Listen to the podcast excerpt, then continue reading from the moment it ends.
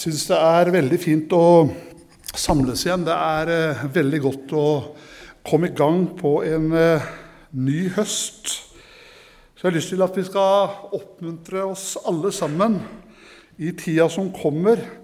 Det er at vi kommer inn i denne gode vanen igjen så fort vi bare kan.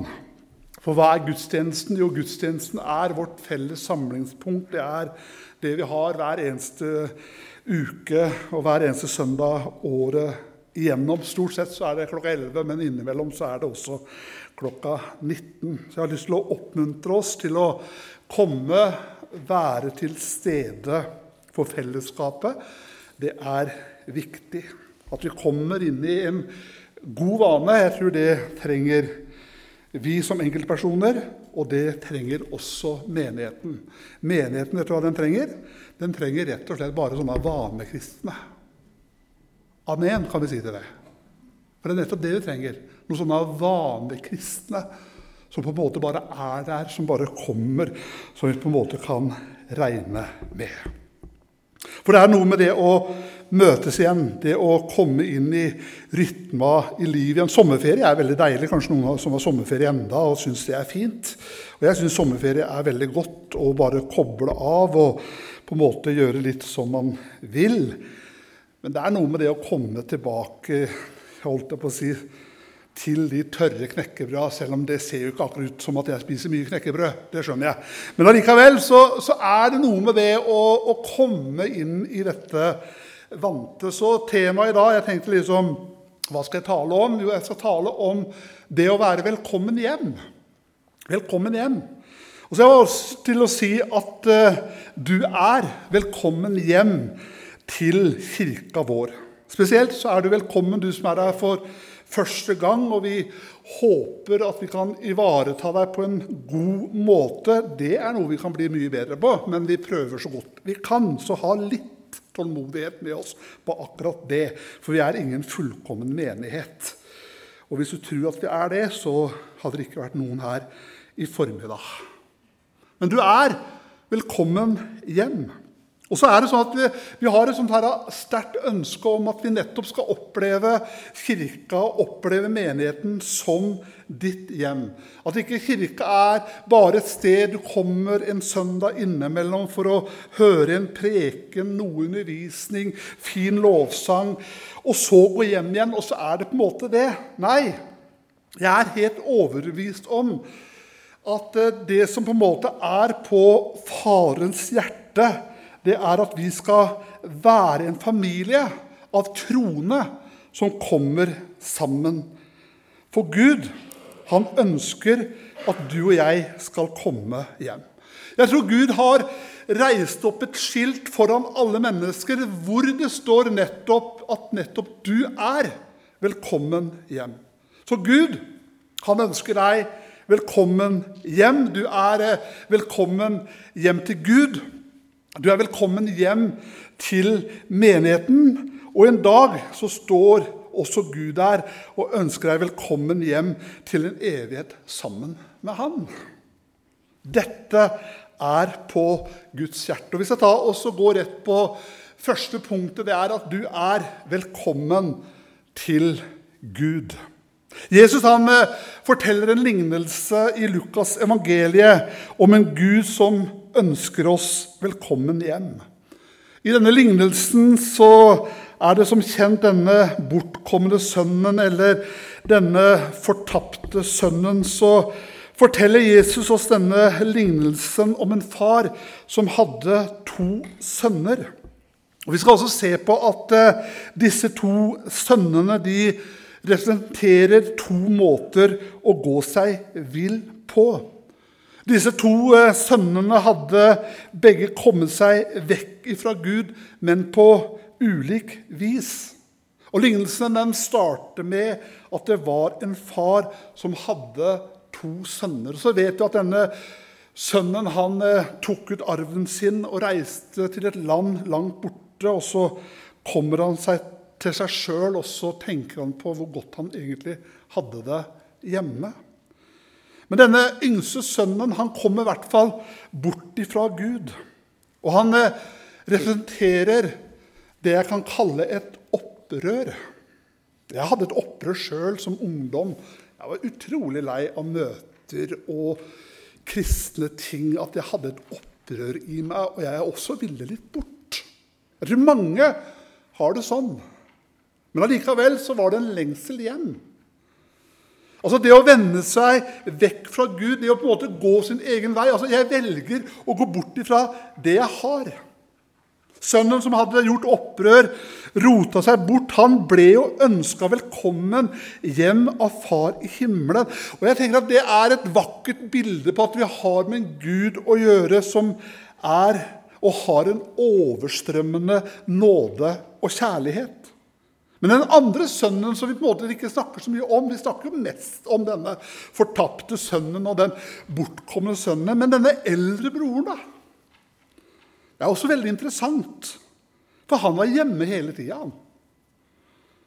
Men da faren tar imot den yngste sønnen, så har han en sånn litt sånn her, ah, merkelig reaksjon. Og Vi kan høre det fra Lukas 15 og fra vers 25. Og Der står det sånn Imens var den eldste sønnen ute på markene.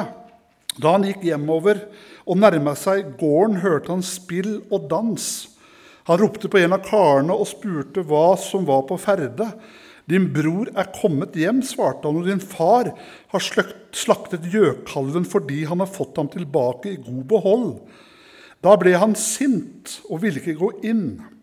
Faren kom ut og prøvde å overtale han, Men han svarte faren, 'Her har jeg tjent deg i alle år.' Og aldri har jeg gjort imot et bud. Men med meg har du ikke engang gitt et kje, så jeg kunne holde fest med vennene mine. Men straks denne sønnen din kommer hjem, han som har sløst bort pengene dine sammen med horer, da slakter du gjøkalven for ham. Faren sa til ham, barnet mitt, du er alltid hos meg, og alt mitt er ditt. Men nå må vi holde fest og være glade. For denne broren din var død og er blitt levende. Han var kommet bort og er funnet igjen. Hør her bare hva denne broren sier. Her har jeg tjent deg i alle år, og aldri har jeg gjort imot ditt bud. Jeg tenker at Det er et bilde på religion.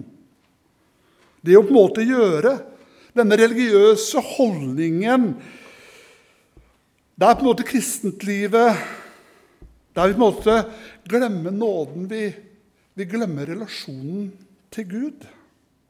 Og så holder vi oss til kun å tjene og, og streve etter å ikke gå imot Guds bud. Jeg, jeg håper det er greit med meg. Jeg håper det holder, det jeg gjør. Jeg håper jeg er god nok. Jeg håper det er greit. Dette er også en måte å gå seg vill på. Det er klart at Vi kan jo høre noe av denne bitterheten i stemmen hans.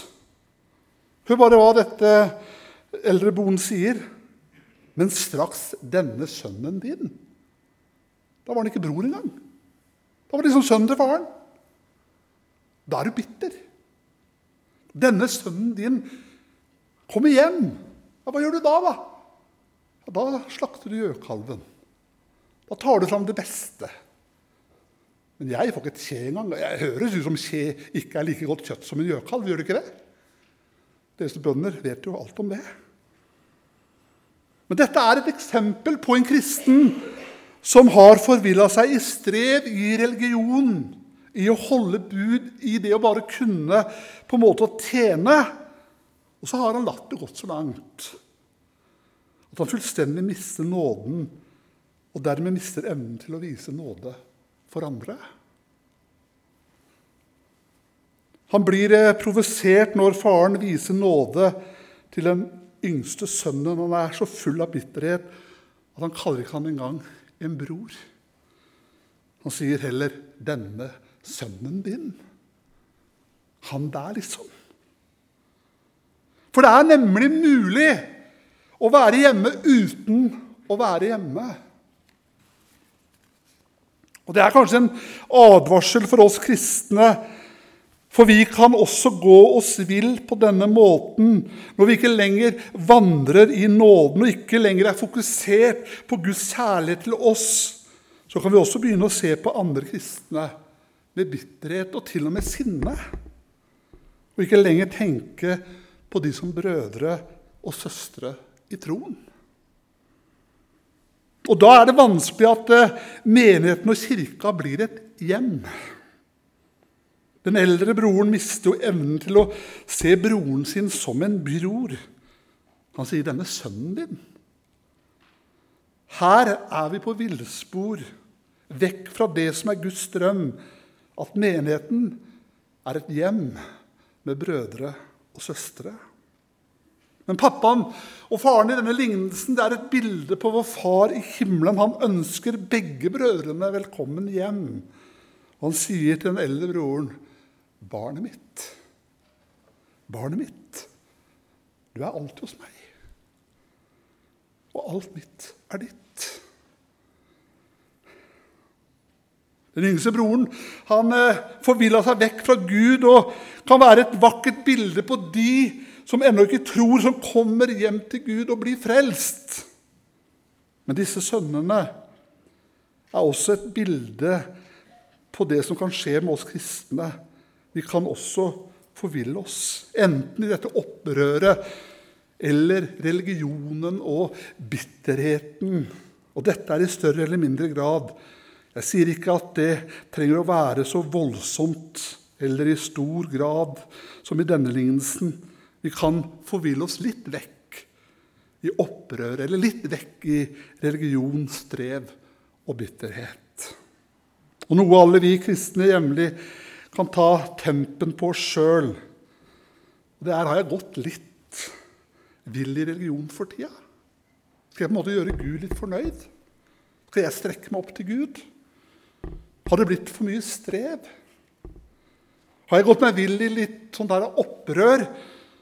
har jeg vandra vekk fra Gud og gått litt min egen vei. Og husk det beste stedet å være er uansett hjemme hos Far i himmelen, hjemme hos Gud, i Fars kjærlighet. Det aller beste stedet er å holde seg nært inntil Gud. Og vit dette, at uansett om du har forvilla deg bort enten i religion eller opprør, så har Jesus gitt deg denne lignelsen for å vise at uansett så står Far i himmelen med åpne armer og ønsker deg velkommen hjem igjen. Han sier, 'Barnet mitt, alt mitt er ditt'. Du er hjertelig velkommen hjem til meg. Det andre er at du er velkommen hjem til kirka og menigheten. Det er også fint å være velkommen hjem til kirka. Det er klart at Vi er ikke bare velkommen hjem til Gud, men vi er også velkommen hjem til menigheten. Så når vi sier det, du er velkommen hjem til menigheten, så mener vi det. Det hadde vært veldig kjedelig her at hvis vi hadde vært sånn med møteverten at ja, du er velkommen, du kan ikke komme i dag. Ja, du kan komme. Men vi sier at alle er velkommen. Og så sier vi at alle er velkommen hjem. Det er ganske sterkt, det. Men hva er på en måte en menighet? Og Når vi snakker om menighet eller kirke, hva mener vi da? Hva er egentlig en menighet? da? Jeg tenker at For å finne ut det så må vi først kanskje snakke litt om hva en kirke ikke er. En menighet er ikke en bygning. Det er jo supert at vi er så heldige at vi har et flott bygg, at vi har en kirke vi kan samles i. Ikke misforstå det. Vi kan på en måte komme til Lista misjons kirke som et bygg. Det er ikke mange, og det er ganske mange i denne verden som ikke har det. Å ha et bygg å samles i. Så det skal vi være veldig takknemlige for. Men vi må også huske at menigheten er ikke bygningen. Det var ikke sånn at Jesus ga sitt liv for bygningen. Menigheten er heller ikke en institusjon. Det er klart at Vi må følge visse retningslinjer, f.eks. ved økonomi, ansettelser, styre og hvordan ting skal på en måte organiseres. Men menigheten er ikke først og fremst en institusjon eller en organisasjon. Det er ikke det det er. Men hva er menigheten da? La oss se hva Bibelen sier. La oss heller se til Gud hva han tenker at menigheten er. Vet du at Gud han har en drøm? Vet du hvorfor han skapte oss? Hvorfor han valgte å skape mennesker i sitt bilde? Jo, Gud han drømte om en familie. Og det gjør han ennå. I Jesu ettertavle så står det i Lukas kapittel 3 så, så, kan vi lese om Jesu ettertavle der. Jeg vet ikke om mange av dere har lest Det Det er kanskje ikke den mest interessante lesninga å lese alle disse forskjellige navnene, men det er litt interessant å lese. For det står der at Jesus han var omkring 30 år gammel da han begynte sin gjerning. Jeg syns det er vel seint, men han var 30 år. Ok. Han ble holdt for å være sønn av Josef, som var sønn av Eli. Og så kommer en lang rekke med navn, men til slutt så står det sønn av Enos, sønn av Seth, sønn av Adam, sønn av Gud. Ja, så Adam, altså det første mennesket, beskrives som sønn av Gud. Altså Gud, hva ville han? Han ville ha sønner og døtre som kunne være sammen med ham, og han ville ha en familie. Det var Guds drøm. Og Så vet vi hva som på en måte skjedde i syndefallet. At drømmen blei brutt, og menneskene synda. De gjorde opprør. Og Fra da av så starter prosessen der Gud åpenbarer seg stadig mer for menneskene. Gud og mennesker får stadig mer og mer kontakt. Loven blir gitt ved Moses, profeter blir sendt, konger kommer og går. Men kontakten mellom Gud og mennesker er full av konflikt og opprør mot Gud.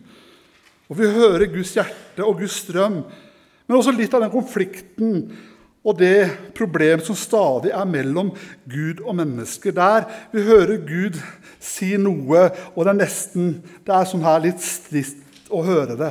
Jesus sa, 'Jeg vil sette deg blant sønner og gi deg et herlig land'. Altså, jeg har lyst til at dere skal være barna mine, som jeg vil velsigne. Det er noe han har lyst til.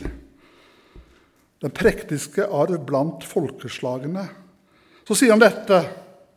At her hører vi Guds drøm som ikke går som han ville. Jeg tenkte dere ville kalle meg far og ikke vende dere bort fra meg.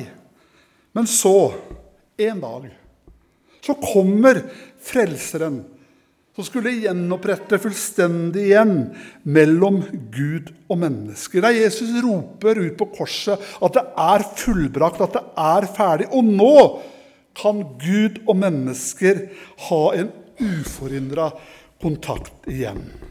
Og her er vi i dag.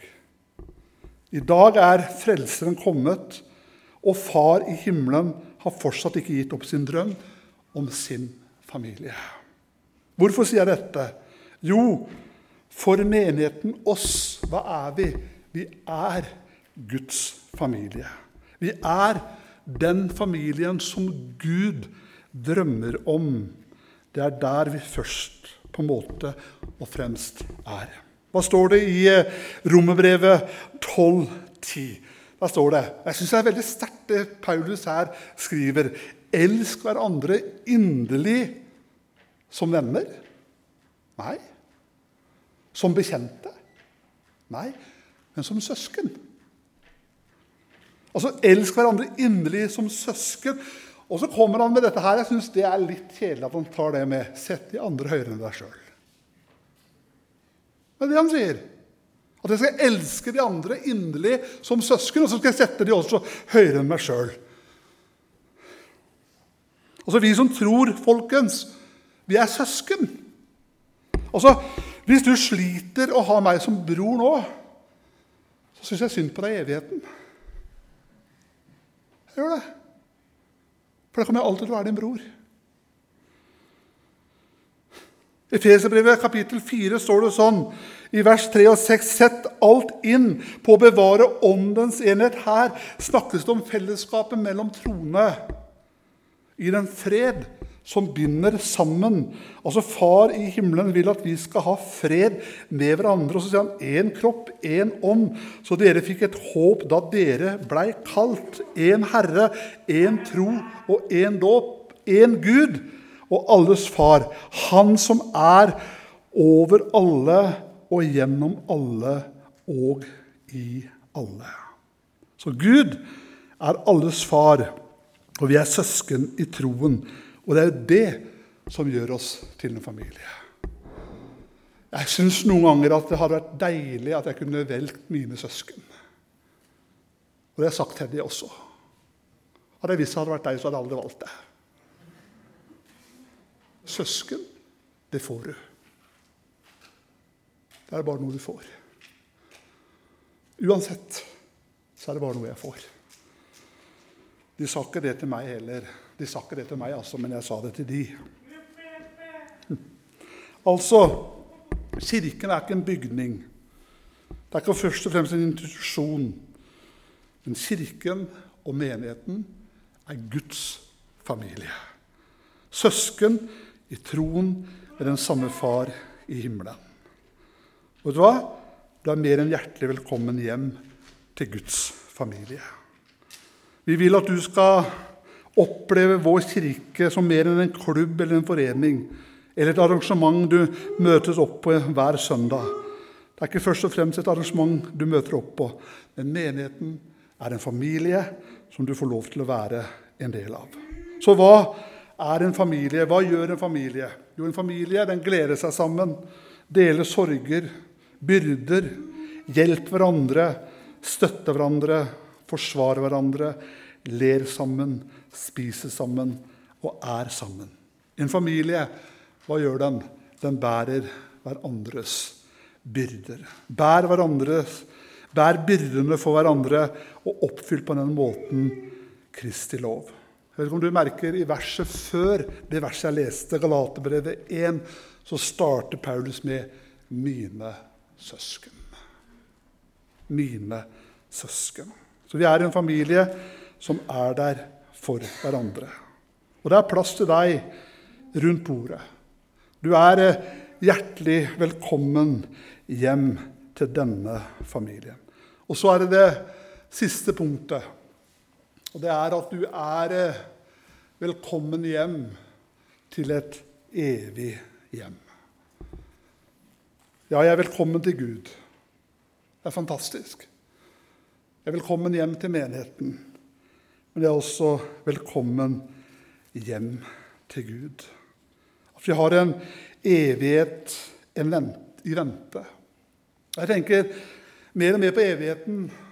At jeg har evigheten i vente, så, så letter det også kravene til dette livet. Det gjør det for meg.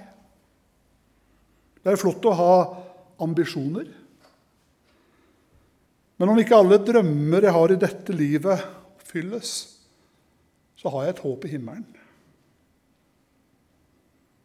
Om drømmer knuses eller noe i livet går i tusen knas, så har jeg håp i himmelen. Hvis sykdom og død inntreffer, eller hvis det tragiske eller det meningsløse skjer, så har jeg uansett håp i det kommende riket. Vet du hva det gjør? Det gjør det for meg. Det letter byrden på det livet jeg lever, og gjør mye med mine verdier. Jeg kan starte å leve livet i lys av evigheten. Jeg kan leve i håpet om at en dag skal jeg virkelig komme hjem. En dag så skal jeg se Jesus akkurat sånn som han er. Han som jeg ba til, han som jeg var litt irritert på, han som jeg hadde en del spørsmål rundt. En dag så skal jeg se ham. Hver gang jeg synger om korset, om Golgata, og jeg ser korset for meg, så tenker jeg vet du hva? Det gjorde han for meg. Det letter byrden i livet jeg lever nå. Og heldigvis så er det noe mer. For jeg er på vei til et sted. At det livet vi lever, er i en enda større sammenheng. Og Bibelen sier også i Johannes' åpenbaring, kapittel 21, eh, så står det sånn Og jeg så en ny himmel og en ny jord, for den første himmel og den første jord var borte, og havet fantes ikke mer.